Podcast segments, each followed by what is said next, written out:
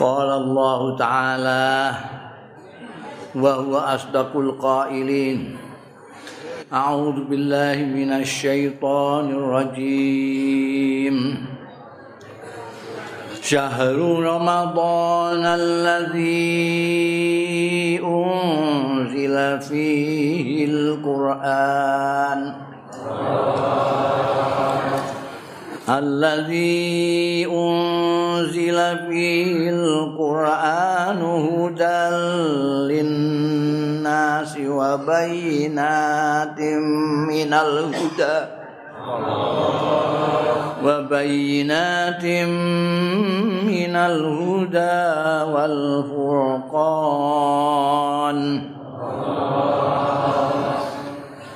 فمن شهد منكم الشهر فليصم. ومن كان مريضا أو على سفر فعدة من أيام أخر. يريد الله بكم اليسر ولا يريد بكم العسر ولتكملوا العدة ولتكبروا الله على ما هداكم ولتكبروا الله على ما هداكم ولعلكم تشكرون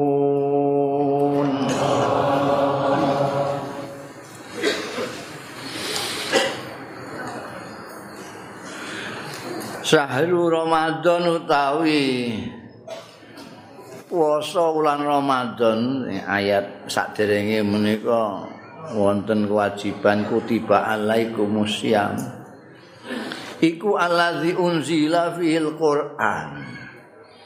Iku kang diturunake fihi ing dalem lazi syahr apa Al-Qur'anu Qur'an.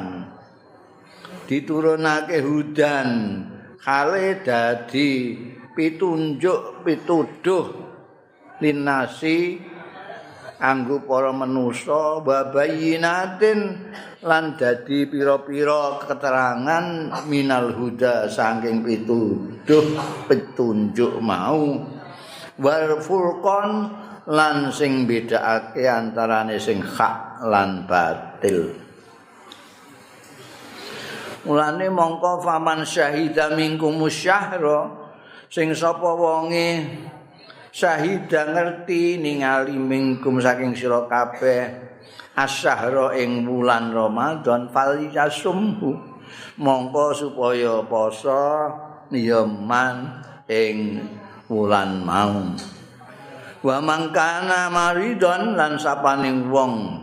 Kana kang ana ya wong ana iku maridon lara. Au ala safarin utawa ing atase lelungan faidatun min ayyamin ukhar. Mongko wajib apa hitungan min ayyamin ukhar saking pira-pira dina kang liya. Dina liyane Ramadan kodok tegese. Yuridu ngersakake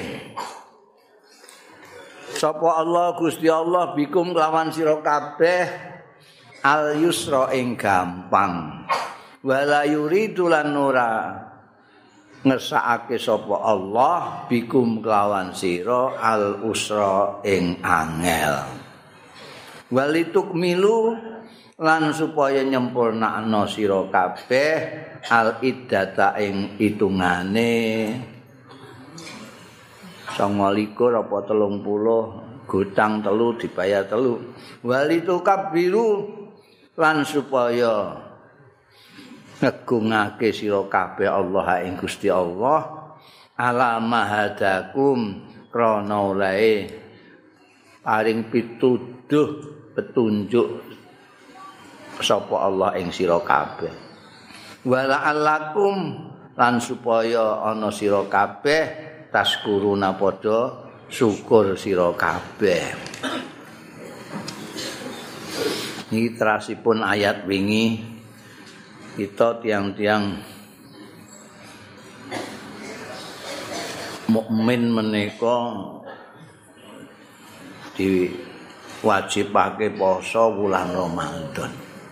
Wingi kutiba alaikum asyama. Wulan Ramadan menika wulan di mana Al-Qur'an tumurun. Wonten sing berpendapat Al-Qur'an tumurun wonten wulan Ramadan menika artinipun saking Lauhil Mahfud. Wonten sing ngendikaaken tumurune Al-Qur'an pertama kali itu bulan Ramadan. Ana sing ngendikake Quran menika tumurun gemblengan terus dirinci malaikat Jibril nyampeake mboten sak bekal tapi sesuai kontek-kontek. Sing penting Al-Qur'an sing diturunaken teng bulan Ramadan. Lan wonten korelasi ini antarane keagungan Al-Qur'an yang turun pada bulan itu dengan kewajiban untuk poso ning gone bulan Ramadan. Kok iku bulan agung. Bulan sing niku menurut riwayat menika mulai eh, suhufu Ibrahim menika tumurun nggih teng awal Ramadan. Zabur tenggene tanggal 6 Ramadan. Terus napa niku? Taurat nggih tenggene bulan Ramadan. Injil nggih teng bulan Ramadan. Al-Qur'an teng bulan Ramadan. Ana sing kandha tanggal 24 ana iku sing digoleki wong niku tumurune Al-Qur'an menika pas dina apa niku sing dirahasiakno. mergo niku wonten Lailatul Qadar barang ngoten niku. Al-Qur'an menika dipun turunaken wonten wulan Ramadan, wulan suci, wulan berkah. Qur'ane nggih kitab sing suci, kitab sing berkah. Kitab sing kangge nuduhake, kangge petunjuk kangge tiang-tiang. Ora mau petunjuk secara garis besar, tapi juga bayinatin minal huda. Jadi wonten keterangan-keterangan memerinci iki sing gemblengan iki terus dirinci.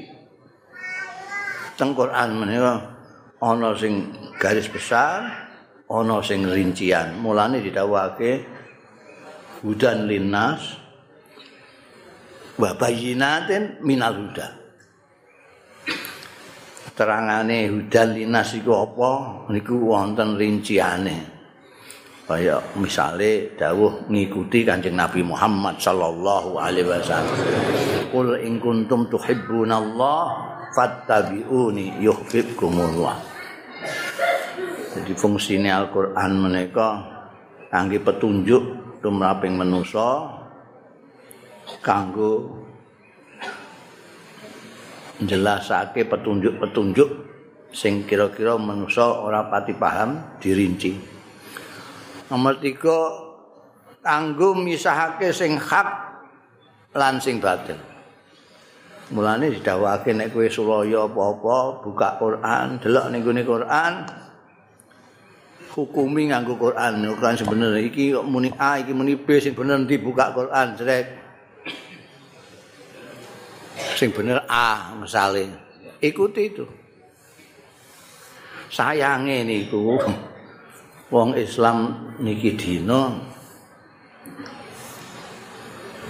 ora maca Quran. Ya maca tapi maca-maca tok. Ora kaya nek maca Quran maca Quran mek maca Quran beda sampai nek maca Quran ditakoki wong apa kabare Kang? Oh iku nang kono.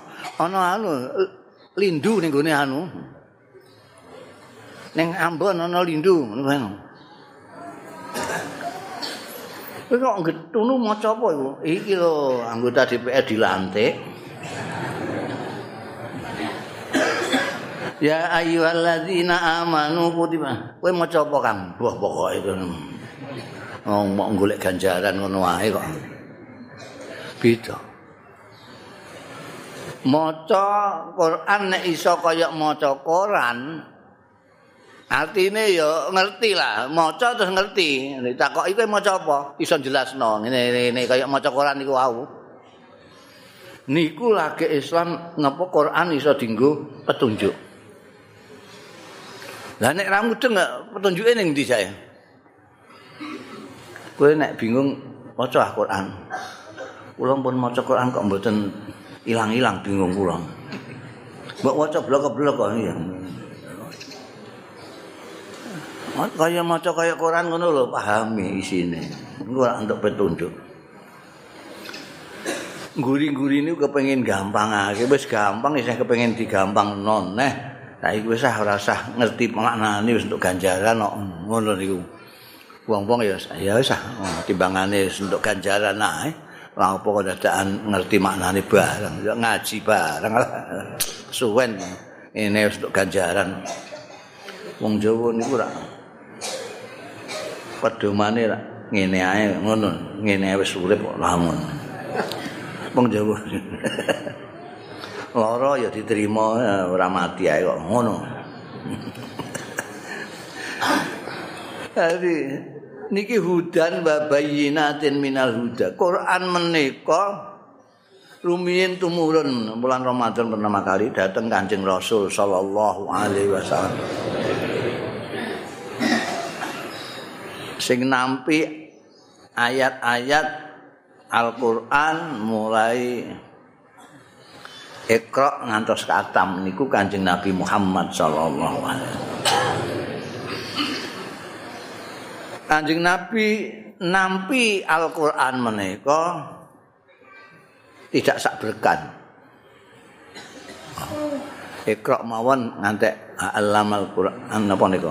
Iqra Bismi rabbikal ladzi khalaq khalaqal insana min alaq iqra wa rabbukal akram allazi allamal apa bil qalam allamal insana ma lam ya'lam mangke wonten ayat malih mburi-mburi nembe disusun kaya sak mangke niki Jadi mbiyen pertil-pertil ngoten niku sesuai kali konteks situasi kondisi. Ana sing ana wong takon terus ayat turun yasalu naka anil mahid.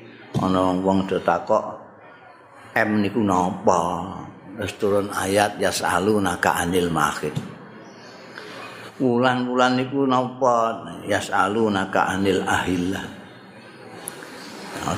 Jadi sesuai kali konteks itu milane pertama kali sing praktekno Al-Qur'an menika Kanjeng Nabi Muhammad sallallahu alaihi wasallam. Dipraktekno riyen dawuh saking Gusti Allah menika lajeng dipun sampaiaken dhateng tiang-tiang. Jadi umpamane ana dawuh aqimis sholata li zikri. niki Kanjeng Nabi salat riyen. Mraktekno dawuh menika. Salat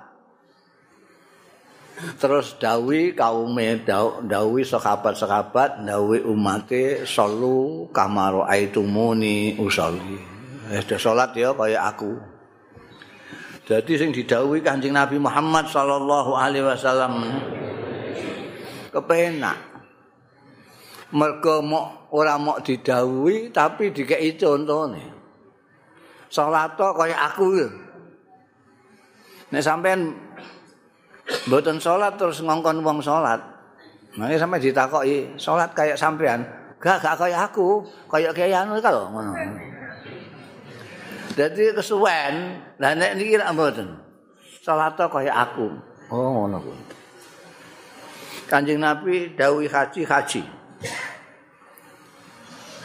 terus nglaksanakno haji menika dawuhi kalih tiang-tiang iki aku haji iki ngene iki kudu anni manasikakum kowe nek ngaji nek kaji model kaya aku contoh sedaya dadi isine Al-Qur'an menika dipraktekno Kanjeng Nabi Muhammad sallallahu alaihi wasallam nembe disampaike dhateng umat. Jadi umate kepenak. Napa mawon? Kon apik karo dulur, kon nyedulurno sedulur, kon nyedulurno wong namal mukminuna ikhwah dicontohno Kanjeng Nabi. Nah, Kanjeng Nabi merintah napa mawon niku dicontohno pribadi belum piyambak. Mulane nalika wonten sing nyuwun pirsa garwanipun Sayyidatina Aisyah Anjing Nabi niku pribadine kados napa? Sayyidatina Aisyah niku disuni pirsa pribadine Kanjeng Nabi balik dangu kalih tiyang. Lho, kowe kok takok pribadine Anjing Nabi Muhammad apa kowe gak tahu maca Quran? Nggih nate. Lah kok takok? Anjing Nabi ku ya Quran mlaku iku. Kana khuluquhul Quran. Anjing Nabi gak kepengen lah akhlak Kanjeng Nabi wis Quran iku lah Quran mlaku Anjing Nabi iku. Iku Kanjeng Nabi man sing mlaktekno Quran. Ora mau nyampe no dalam pengertian oral omongan tok mboten, tapi sak lakune. Niku bareng Kanjeng Nabi mboten nonton, sekabat-sekabat nggih ngonten. Jadi nyampe no menika dengan contoh dirinya sendiri. Dawi Kanjeng Nabi kon mulyakno wong tuwa kon nyayangi sing enom dicontoni. perilaku niku. Kon apik karo tangga dicontoni. Lakuane ngene ya. Kon lomo dicontoni. Bareng guring-guring-guring-guring iki sing ngaku-ngaku warise nabi niku kadang-kadang mau nyampe notok gak nganggu contoh Dari sakake wong-wong awam niku mau. Kadang-kadang malah bingung. Ndikne nek pidato kok nganjurno lomo kaya Kanjeng Nabi. Ndikne dhewe kok bakhile ngono. Ngono. Niku dadi bingung. Lah ndikne nganjurno ngulon terus ndikne tengok-tengok isih lumayan. Nek sampean kepengin wilujeng donya keran, monggo ngilan nggih. Ndikne tengok-tengok. Wis lumayan. Wong awam ya kok tengok-tengok ndikne paling-paling ngoten.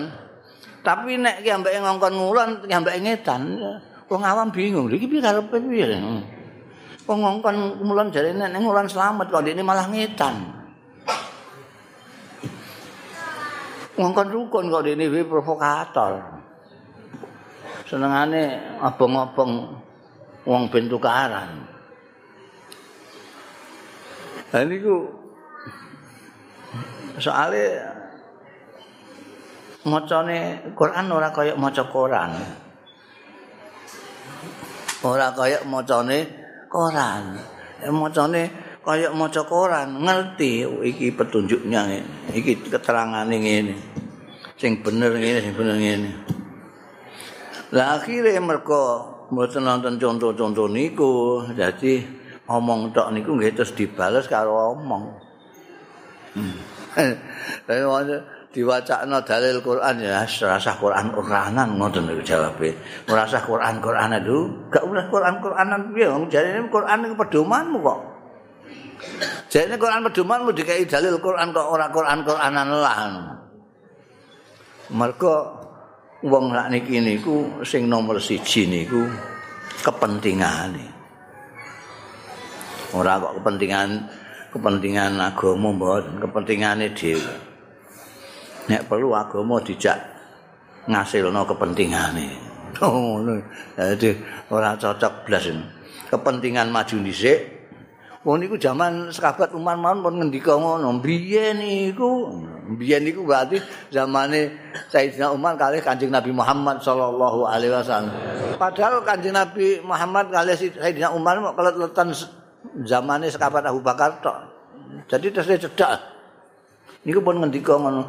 Biyen awake dhewe iku Quran seo lagi karepe kita kok Qur'ane oleh lagi ngaku.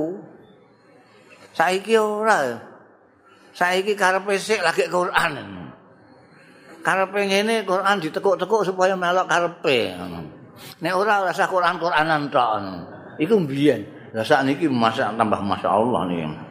Wong sakniki pun ngliwati kiamat. Wong kiamat terjarine tahun 2012. Nah iki wis 19. keliwat adoh.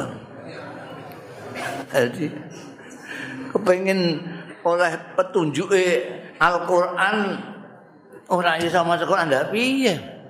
Kula bolak-balik niku nyontokno. Nek awake dhewe niki tumbas televisi utawa sepeda motor. Niku mesti wonten buku petunjuke niku. tambah gede sing sampean tumbas, tambah gede bukune niku. Sampean tumbas sepeda motor kaya mobil. Mobil lu, bukune luwih kanjel. Piye carane nglakokno mobil? Piye carane ngrawat mobil? Niku lengkap nih. TV luwih tipis malih. TV mesti wonten buku panduan piye nyetel TV ku. Nek gedhekno suarane piye, nek ngapikno warnane piye, nek nyetel komposisi warnane piye niku wonten buku panduane. Tapi jenengan sedaya mboten nate tumbas TV kok dadak maca barang niku. Ora tahu maca blas ah. Tuku sepeda motor ya blas ngene. Kayak napa kok ngoten niku? Mergo pun kulino nyawang wong nyetel TV kok dadak maca buku barang. Ya, cedhek lho iso. Hmm, ngecil ndo nyirikno lho. Mbak sepeda motor maca bukune barang cengklak ra wis no aku wis bolak-balik roh tukang ojek niku. Mergo saking kulinane nyawang wong nyetel TV ya mbake iso. Nyetel TV tanpa maca buku. Mergo bolak-balik nyawang tukang ojek di tuku sepeda motor ora perlu maca buku panduan mbak sepeda motor. Wis iso. Lah nek sampean dereng nate roh wong dolanan komputer terus sampean tumbas komputer ora maca bukune. Kira-kira sepundi? Ya jadi besi tua. Iki ngop kaya TV tapi kok ngene iki bicarane nyetel piye yo. Waca ah bukune mung kandele semono ya salah aku. Lah kok tuku lah apa?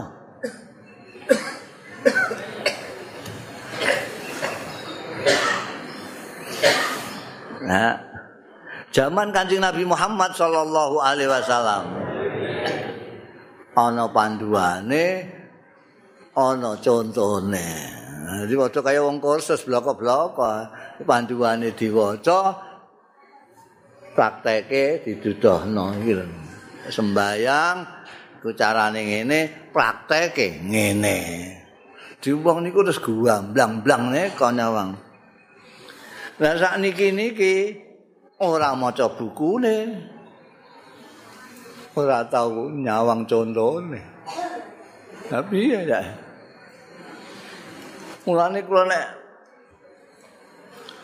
cara gagahe nasekati. Nasekati ustad-ustad niku kan mbok ditulungi kanca-kanca awam sing ora kobel maca Quran iku ditulungi wong kowe sing iso manane Quran. Iku aja mbok waca tok Quran iku tapi tulung kayak contoh lakumu iku sing Quran ngono ya. Di wong-wong sing gak maca Quran iku iso nyawang awakmu. Eh ngono kuwi lakune wong sing Quran iku ngono kuwi. Oh ngono kuwi wong bergaul cara Quran iku. Oh ngono kuwi carane sesrawungan model Quran. Ha gak ana contone. Ora maca buku panduane. Ya bar duit entok ah. Bar duit entok niku pecah kabeh. Entoke pecah duit gak dadi. Jadi niki wong bingung. Kaya wong ora duwe petunjuk, do bingung kabeh. Kok bingung? Lah kowe soalé ora duwe pedoman ndak waca kok. tok maca ora kaya koran kok. Ya bingung ah. Iki ning gone nggonmu ana kabeh kok iki. Karek delok ngono ae, ora bingung kowe ana petunjuke kok. Arep ngene ngene, arep ngene ngene, arep ngene ana kabeh. Arep salat ngene, arep ana kabeh. Sampai piye poso kuwi piye, carane piye, kapan poso, betul wonten contone kabeh. Nggon Quran. Yo pengen delok sing bener ndi sing salah ndi Quran cukup tapi saat ini kono wong bingung kaya wong bingung ngono iki sing tak endel sing endi lah ustaz iku apa ustaz iki kiai iku apa kiai iki Lah sampean bingung. Wong ngono Quran kok bingung. Wong Quran iku Furqan. Iki ana ustaz loro sing tak ngalor tak ngidul, buka Quran. Oh, sing bener ngalor. Pun cetha, pun penak niku.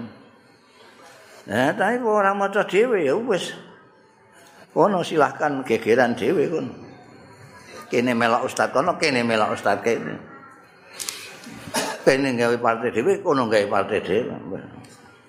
Padahal pengirane siji, Qur'ane siji, nabine siji.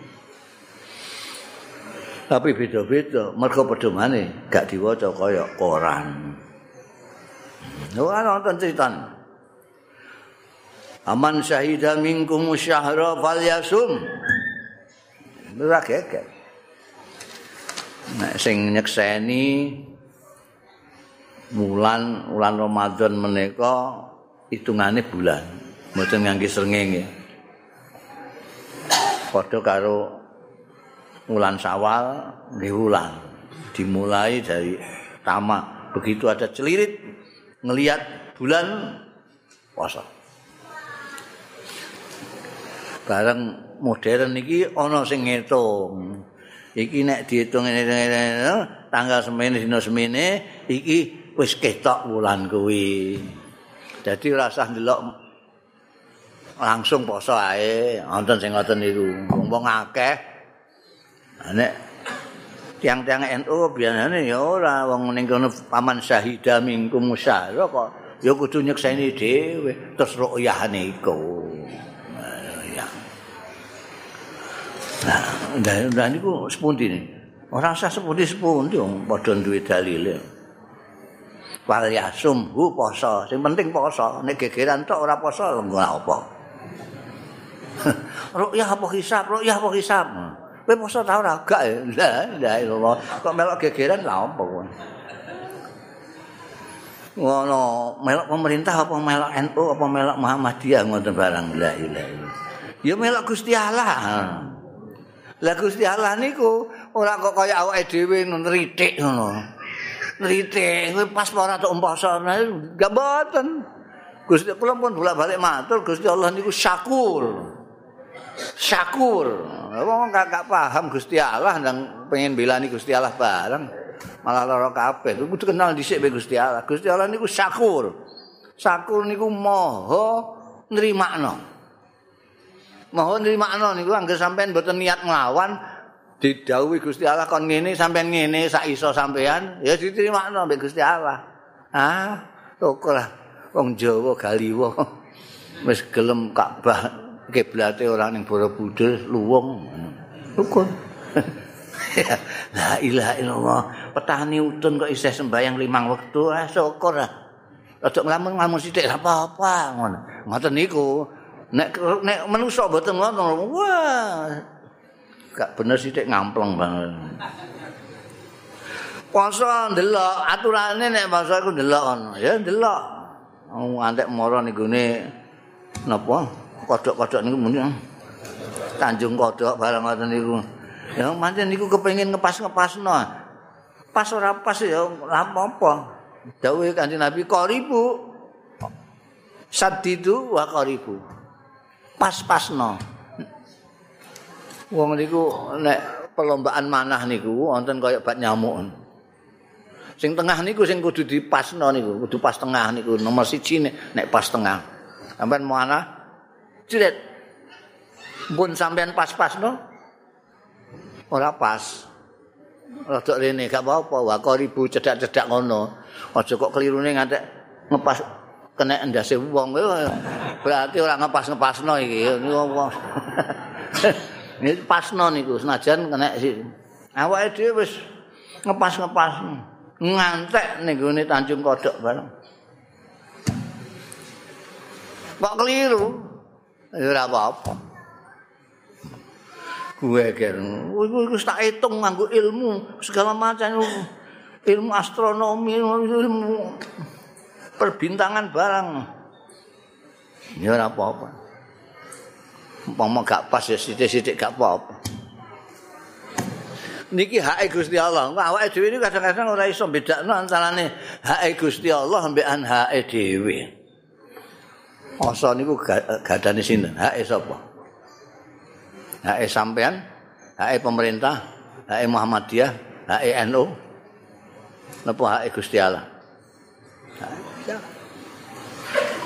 Bodoh biyen kan tukaran geger. Wah, bodoh kene oh, ibu teh karuan. Lho iku piye? Kula ini kadang-kadang gawok. Wong bodoh diparingi Gusti Allah loro kok malah geger. Liya-liyane iku mau dikei siji lho bodoh iku. Indonesia dikei loro kok usah geger. Wong Gusti wae kagungane Gusti Allah. Biyen nak nate Idul Adha loro. Sitoke Selasa, sitoke Rebu. Lho kok gegeran? Wah gak sah. Sampeyan takokake bakal kewan.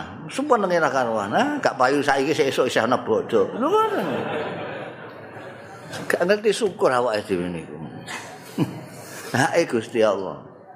Gusti Allah niku kula pun nate matur Gusti Allah iku apian. Ora kaya awake dhewe, syukur apian Ustaz. sing hak-hak Gusti Allah menika mulane Kanjeng Nabi Muhammad sallallahu alaihi wasallam niku nalika mengenai hak Gusti Allah kaya misalnya zina. Kanjeng Nabi niku setengah dorong wong supaya ora sah ngaku.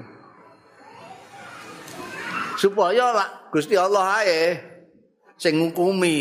Nek sampean sing ngukumi wong ya ima dicambuk ya ima dirajam. Tapi nek Gusti Allah mungkin di ngapura. Gusti Allah apian. Nanti nalika ana wong ngaku ora ora mau ngambung tok napa. Mboten ora. Diwarai mungkir supaya ale Gusti Allah. Gusti Allah kepenak. Kepenak. awake dhewe kan boten. Iki ana sing sing angel niku nggih nek sampean kalih wong. Wong. Mulane kula nganjurno nek bodho niku penting niku termasuk Islam Nusantara. Sing gak paham niku dudono halal bihalal cara Indonesia. Niku teng ini Mesir gak ana, ning Mekah gak ana, ning ndi gak ana. Idul Fitri niku wong do saling mengunjungi. Niki kearifan Nusantara niki. Gak ono sampeyan golek teng Maroko nganti teng Afghanistan gak ono model kaya Indonesia. Mok niki tok paling Malaysia, Nusantara lah. Nusantara termasuk Brunei, Malaysia bareng. Janji bodoh terus sing enom sowan sing tuwa ngaturake wilujeng nyuwun ngagungi papura menawi wonten kesalahan-kesalahan lahir batin. Nah. Saniki terus disingkat bu-buan ya ndak ngono tok. Biyen niku nritik niku.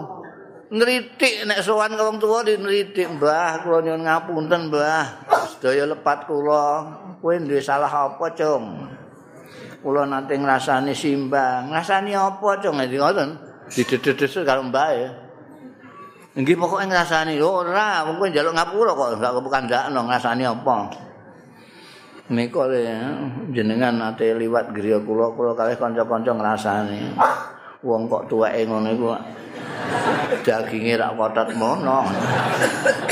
Ngoten niku nek bodho-bodho, mbahe mboten ngamuk malah guyu. Mbok rasani ngono, Ya Allah, ya ora apa-apa, ora apa-apa. Aku ya gawe ning ngasani kowe ya. Ngasani napa, Mbah? Ya pokoke ngrasani. Ampun ngoten nambah apa. ngasani napa? Kowe tak rasani iku anake sapa petakilan. Nggih sakniki sami-sami, Mbah nggih. Itu ketoknya sepele itu. Itu Islam kearifan Nusantara. Mergo ngerti wong-wong ulama-ulama Nusantara niki nek karo Gusti Allah relatif gampang. Nek manusa iku angel. Karo Gusti Allah astagfirullahalazim wis ilang dosane. Mbok go sembayang ilang dosamu dik mau.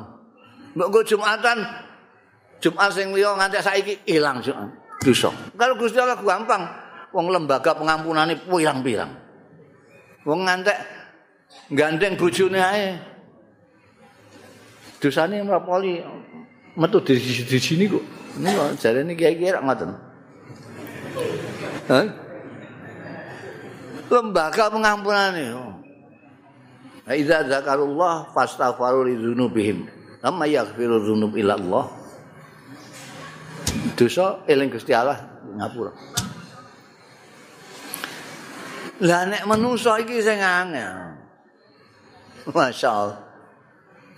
Wis suwi begedhat iku wis eling ae manusa niku. Manusa niku. Wis mati wong wis mati ditakoki. Sapa? Paijo sapa? Paijo sing nyolong ndok eko lho ngono. Lah wis njaluk halal barang lho kok ya isih dieling-eling ae. Lah sesepuh kita Nusantara niku arif bijaksana iki. Iki nek ora dijaluk nang ngapura antar sesama kawulane Gusti Allah ya isih kandhek. Isih durung di ngapura karo Gusti Allah. Engko isih ana pengadilan antar sesama.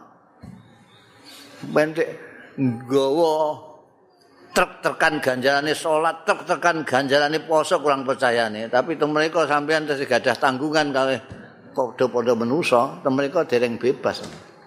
Dindek kali kanca sampean akhirnya najeng dibeto tempunin ning swarga iki. Wah bayange kok puasane ya ora tau gotang malah ditambahi Senin Kemis. Nggih tapi ki ambake nate mitnah kula. Mitnah kula mesak kampung niku do nglecehke kula sedaya gara-gara fitnah iki ambake niku. Kula enteni bodho pirang-pirang bodho mboten njaluk ngapura kae. Lah terus piye karo nggih kula mboten terima. Selesaikan dulu niki nembe sampean beto teng swarga. Malaikat diomongan terus dijikukno ganjaran salate wong sing mitnah niku. Nek dijuli semene meneng ae. Nek tak tambahi semene kedik malih ngantek ala qadri mazlumatihi. Seimbang dengan kesalahannya tadi diambilkan Lah nek wong niku jahat ning donya karo sepadha-padha, tau mitnah iki, tau misoi eko. Tau gabung bandane kae wae. Niku mangke mereka ribut suwi ora karuan. Dicegati wong-wong niku nah. Mangkene mangkene iki wis lepas saka wong sing dipitnah niku wis lepas. Bisa dicegat mek wong nek ana apa neh iki? Niki tiang niki mbiyen tae misoi kula teng podium terus e. Kula mboten wani ngono. Lajeng bales. Ya terus piye? Ya pokoke njaluk ijol, ijol. Niki nanti nanti ngumpulno dhuwit jarene ajeng dingge ngadu rasa, dimplep yambang. Kula mboten ikhlas. Nah terus piye? Pokoke mboten ikhlas. Lah niki wis entek gawanan ganjaran salat poso wis entek. Tapi entek. Elake wong sing digabung bandane ceblokno kali iki ambak. Masyaallah naudzubillah min zalik. Bangkrut tenan. Gawanane pirang-pirang tapi entek didodosi wong-wong sing dijahati nalika ning donya. Mulane wong suwa-tuwa kita niku Nusantara. Saiki Nusantara ora dipahami mau dinyeki tok ae, kan ngerti niku. Indahnya kayak begitu. Jadi nek sampean poso di Ngapura, sing ning Gusti Allah di Ngapura ngoten mawon merasa njaluk Ngapura, angger sampean poso traweh witir dosa sampean sing langsung teng Gusti Allah di Ngapura kabeh. Karek dosa-dosa sing karo sepadha-padha. Nih niki mboten otomatis. Ora otomatis di ngapura kan nganggo poso gak. Kudu ana penghalalan saking tiang sing dijahati. Mulane ana istilah halal bihalal. Ning Arab gak ana halal bihalal. Iku bahasa Arab apa kok halal bihalal. Bangkune ala wasni dan biat ngono piye? Halal bihalal. Betul ngoten. Mok tegene Nusantara tok. Ini Gusti Allah niku syakur, gampangan, kepenak, menusa sing angel. Lah poso niku Gusti Allah ngendika iki hanya aku dan hambaku. Yang poso niku mboten nek liya-liyane ana ganjarane 10 sampai 700 ganjaran ana sing sampai pira tak terbatas ganjarane wong ngamal iki lipat semene. Tapi nek poso gak gak ono sing ngerti. Gusti Allah tak sing peso. Tapi biasane wong poso menika mok dimaknani ora mangan, ora ngombe. Nek awan, isih ono tambahane ngono. Ora mangan, ora ngombe nek awan.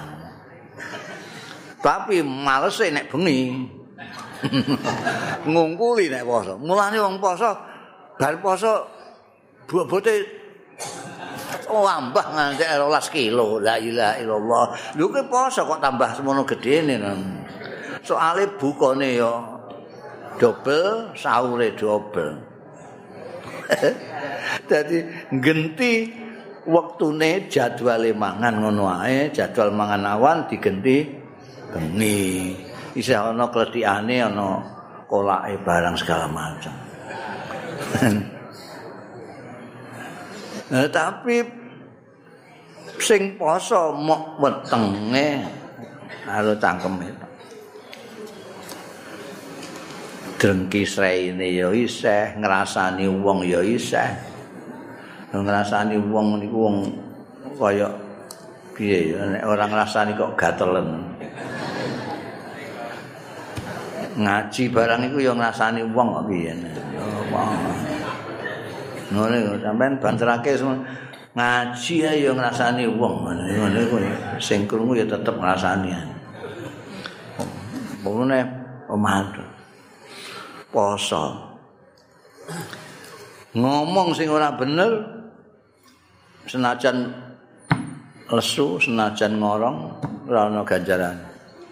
Ora perlu Gusti Allah dipasani model ngono iku. Poso ya kudu ditahan semua. Ora misoi wong, ora srei karo wong, ora drengki karo wong, ora fitnah karo wong, ora macam-macam. Ya, nifal yasum.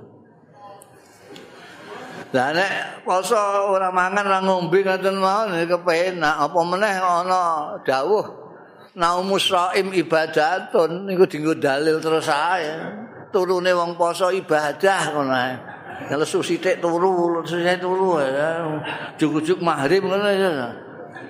Oh gak tambah 12 kilo piye. Lah Gusti Allah niku masyaallah wa man kana maridan au ala safarin fa iddatun min ayamin ukhra. Niki ayat sak pun nonton niki. Ayyamam ma'dudat pamangkana minkum maridon aw ala safarin fa iddatum min ayyamin ukhar. Wa ala alladzina yutiquna terus ngoten niki dibaleni malih mangkana maridon aw ala safarin fa iddatun min ayyamin ukhar. Nek sampean sakit utawa dalam lelungan niku sampean hitung mawon pinten dinten sampean sakit pinten dinten sampean kesah sampai ora poso mangke dibayar. Telung dina engko aku diingi ora poso telung dina mergo lara saiki waras wiris dibayar telung dina. Aku ingin lelungan ning Jakarta.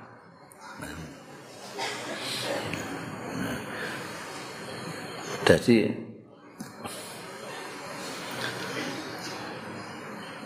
niki. Nek dawuh bisa niku iku senajan ana dawuh Gusti Allah ngene tapi ya kudu ngaji. Mergo nek gak ngaji engko kowe mok maca mangkana maridon. Weh sak lara kok aku tak gak poso. Lara ngelu sithik gak poso. Senep sithik gak poso. Masuk angin sithik gak poso lunga ning kaliori gak poso. Lunga. Iki kudu diji. Mergo ana aturane niku. Lah niku sing kenek ora poso wulan Ramadan niku sapa ae sing lara iku lara piye, lara ngantek piye. Lunga iku lunga sejauh mana niku wonten ukurane. Ukurane. Aja ning kali banggi ngono nah mokak-mokak nah safar iki lungan. Ngonten aturan semene mil semene kilometer niku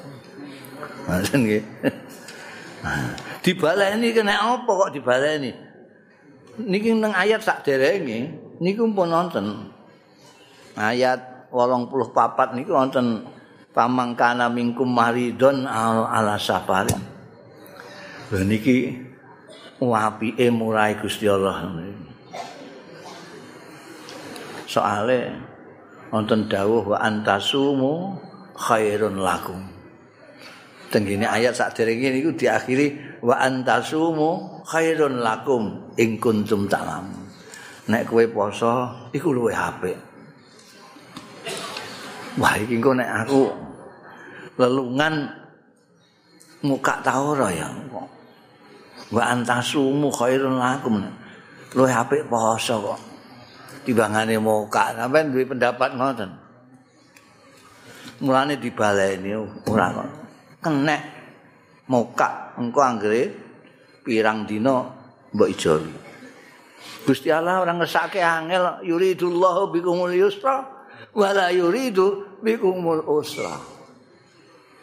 Ya. Nanti sampai bantuin dikai kemurahan, sampai ning lunga Jakarta, Semarang paling paling dek Semarang lah. Nah, kali ori ini kebangetan. Terlungone aja kok wayayan, nggih pun awan-awan lunga wis kepengin muka. Mutus muka dalan, Bos. Ala safarin sampean pun teng Jakarta mereka. Jakarta gak kuat puasa. Ya muka saya pun di muka kalian. Dan ini gegeran. Ulama-ulama berbeda pendapat. Ono sing kono ya apik poso dalile wa antasumu khairun lakum. Nek kowe poso luwe apik. Ono sing mboten ora ya apik muka wong dikeki Gusti Allah kemurahan kok wong diparingi kemurahan kok gak mbok tampa iki mlete kowe moka. Wong akeh niku nek beda niku malah kepenak. Beda. Bedane angger bedane ulama untuk mencari kebenaran niku sae. Jadi sebenarnya ikhtifak napa ikhtilaful a'immah rahmah niku. Sing niki dalile yuridullahu bikumul yusra wala yuridu bikumul usra. Gusti Allah gak ngesake kowe kangelan gak. Gusti Allah ngesake gampang. Perhatekno niku anune redaksine. Yuridullahu bikumul yusra. Ora titik. Terus wala yuridu bikumul usra. Iki tauhid mukuan Gusti Allah ora ngesakno kowe abot Gusti Allah ngesakno kowe gampang ora ngesake abot lha Gusti Allah ngesakno kowe gampang ngono enak wis. Kok ana tambahane ora ngesakno kowe abot. Niku ngukuhake nek Gusti Allah pancen ora ngesake awake dhewe abot. Mangga. Gusti Allah niku wa ma ja'alallahu fid min haraj.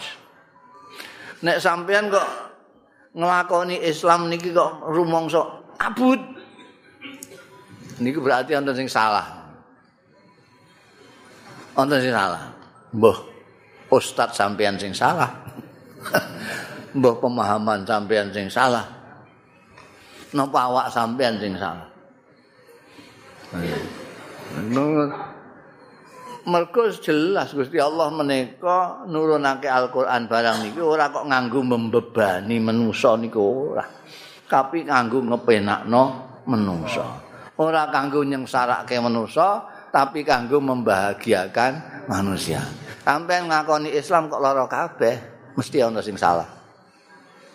Ora. Wong Gusti Allah niku saking apike karo manusa niki sing diutus jelasno dawuh-dawuh Allah niku nggih manusa. Kanjeng Nabi Muhammad sallallahu alaihi wasallam. Padahal malaikat niku miliaran sing tunduk kali Gusti Allah niku. Tapi nek diutus malaikat sampean sing girap-girap. Ora tau roh malaikat, roh malaikat. Masya Allah girap Kanjeng Nabi mohon ngantek mudun ayu saking Jabal Nur roh malaikat Jibril. Gusti Allah ngutus kancing nabi menungso sing ngerti menungso cocok kali Gusti Allah ngesake yuridu bikumul yusa wala yuridu bikumul usa digolekno manusa sing ngerti kira-kira iki nek manusa ngene angel nek ngono ngene iki gampang golekno manusa sing ngerti manusa sayange nggih niku mpun 15 abad awake dhewe niki kok Kanjeng Nabi niku. Jadi sing genteni Kanjeng Nabi niku tambah suwe tambah elek tambah elek tambah elek. Ora pas ana. Ade. Wong dipadakno wae. Kanjeng Nabi ngerti wong, oh iki ana sing TK, malah iki PAUD. Nah iku iku sanawiyah iku. Iku mal SMA iku. Iku perguruan tinggi, beda-beda. Nah saat ini kira mboten, wantem wong TK diceramai kaya mahasiswa, ngeluh kabeh jan. Ngeluh kabeh. Mergo apa? Gak ngerti wong. Rumangsane wong sak niki niku nek ora kaya ndikne ora wong. Dadi ukurane wong ndikne. Kula nate nyontokno ahli wiridan dijaluki ijazah karo wong. Mbah kula nang ijazah mbah kok sumpekan kula niki. Ya dong, oke. Okay. ayat kursi diwaca bar sembayang ping 35.000 ya. Mblenger pate kasih grotal gratul ayat kursi ping 35.000. Mergo rumangsane yang kaya ki mbake. Ndekne wiridan biasa penggaweane maden wiridan. Angger wong dianggap kaya ndik niku piye. Nek ora kaya ndekne ora manusa. Kanjeng Nabi mboten. Kanjeng Nabi mboten. Ngerti iki sing gampang sing angel. Yang gampang aja di gampang noneh wis gampang, aja gampang-gampang noneh. Iki ora abot aja mbok bot-bot. Ngantek Kanjeng Nabi Muhammad sallallahu alaihi wasallam ngendika innad dina yusrun.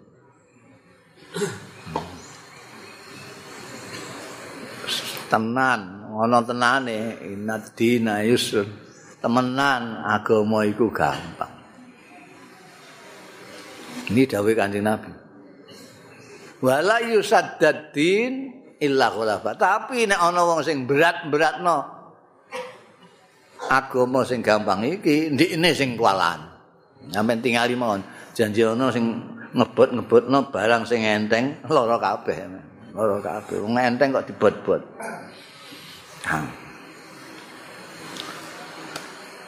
Wala yuridu bikumul usra walitukmilul iddata walitukabbirullaha ala ma hadakum disempurnakno poso niku 29 apa 30 dina nggih. Ana sing 29 nek gak ngerti bulan dirukyah gak kena ditambah disempurnakno 30 niku. Ana sing wis rukyah 29. Lah tem mriki wonten tulisane man syahida niku jane sapa wae sing masa waktunya sama atau KCO orang ada sedino. Kayak mriki kali Saudi niku KCE jam karek 5 limang, limang jam. Dan mriki luwih dhisik limang jam timbangane Saudi. Niku nek Saudi ru'yah utawa mriki ru'yah sami. Mriki ru'yah mereka nggih poso. Mereka ru'yah kene ya poso.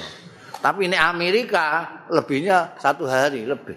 Jadi ndak iso ru'yah ning Amerika dienggo poso to mriki mboten saged. Naturale. Hmm. Tapi saat ini terus uang niku kan untuk menetapkan poso bodoh barang niku pemerintah. Nek pemerintah kaya Saudi niku mutlak ning gone raja. Ning raja. Jadi raja nek arep netepno tanggal pira terserah ya Mbak. Eh. Ulama gak setuju cek ora. Ngoten. Oh iki raja. Karena haknya itu raja.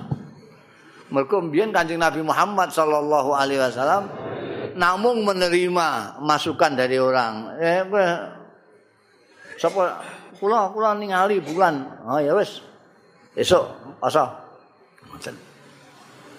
Yang netepno Kanjeng Nabi yang melihat siapa saja. Nah, saat ini niku mboten. Nah, niki niku pemerintah pemerintah dadak rapat barang.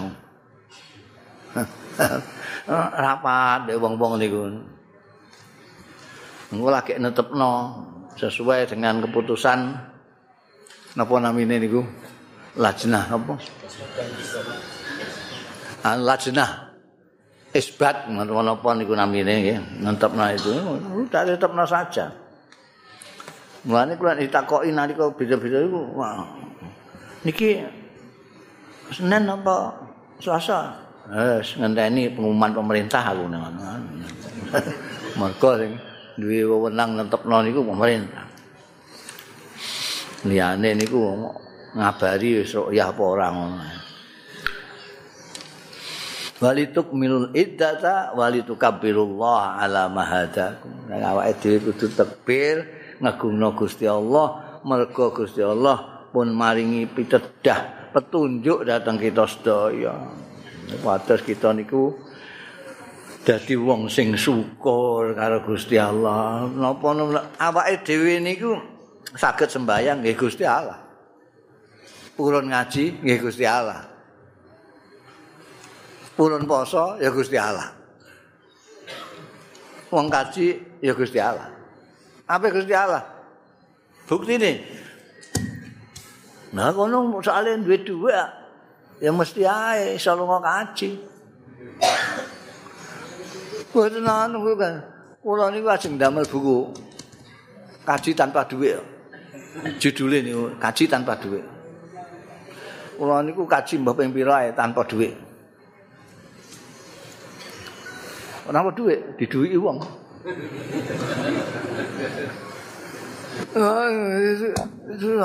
Ana wong sing sugih mblegedhe ora kaji-kaji ngantek mantek ya wonten. Kathah malah.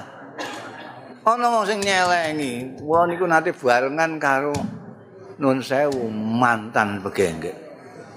Kalih pelanggane. Jadi ana pelanggan nanti janji mriku niku kalih niku mawon pelangganan. Suwe-suwe kok padha sadar diparingi petunjuk karo Gusti Allah taala ya Allah. Niku ngantek kula tulis niku. Namine Mbok Yem kalih bojone. Niku terus kok do sadar kok bareng. Eh Kang. Oh ini koyo ngene terus iku bila ya kowe ya kok ngono ae terus ya ana yaene ono. Kowe wis tak inoni aku barang kok ya isih dodolan ning wong liya barang iku bosok engko anu lah terus piye kang iki ya saiki tobat ae. Tobat ya aku anu rabeni ya. Terus dirabeni. Dirabeni terus tani terus nyelengi. Nyelengi akhire iso kaji wong loro wis tuwik-tuwik wong cukupe niku wis suwi tuwik nyelengi niku bareng kasil pun tuwik-tuwik wong loro niku masyaallah bareng tekan Musdalifah sing lanang ilang nangis geru-geru terus cerita macam-macam niku. Mulane kula ngerti nek asale mantan niku mergo ki cetetelan niku. Gus padosake waduh kula Gus niku terus cerita. Biyen petuk ambekan sing lanang ku ngene-ngene iki ajeng damel pokoke awake dhewe niki rumangsa ora di ngapura Gusti Allah nek ora kaji sakniki dadak kaji dereng rampung ya Mbak Ical.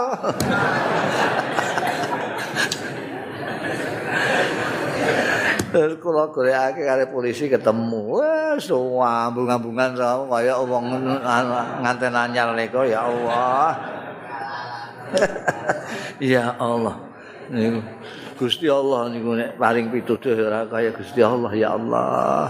Nong din biyen ya ana ya ini ngono bareng tuwa untuk Ini Gusti Allah. Mulane nek sampean dadi wong sae aja nepuk dadah. Aja nepuk dadah. Aku ya alhamdulillah lah. Imbane kanca-kanca kene mbambung kabeh ngono kaya yo yo alhamdulillah ketoke kaya syukur ngono. Tapi jane bangga niku ngambak. Ora usah bang. Wong iku kabeh kok Gusti Allah. Sampean iso sabar ya Gusti Allah. Nah, wong sampean iso syukur ya Gusti Allah.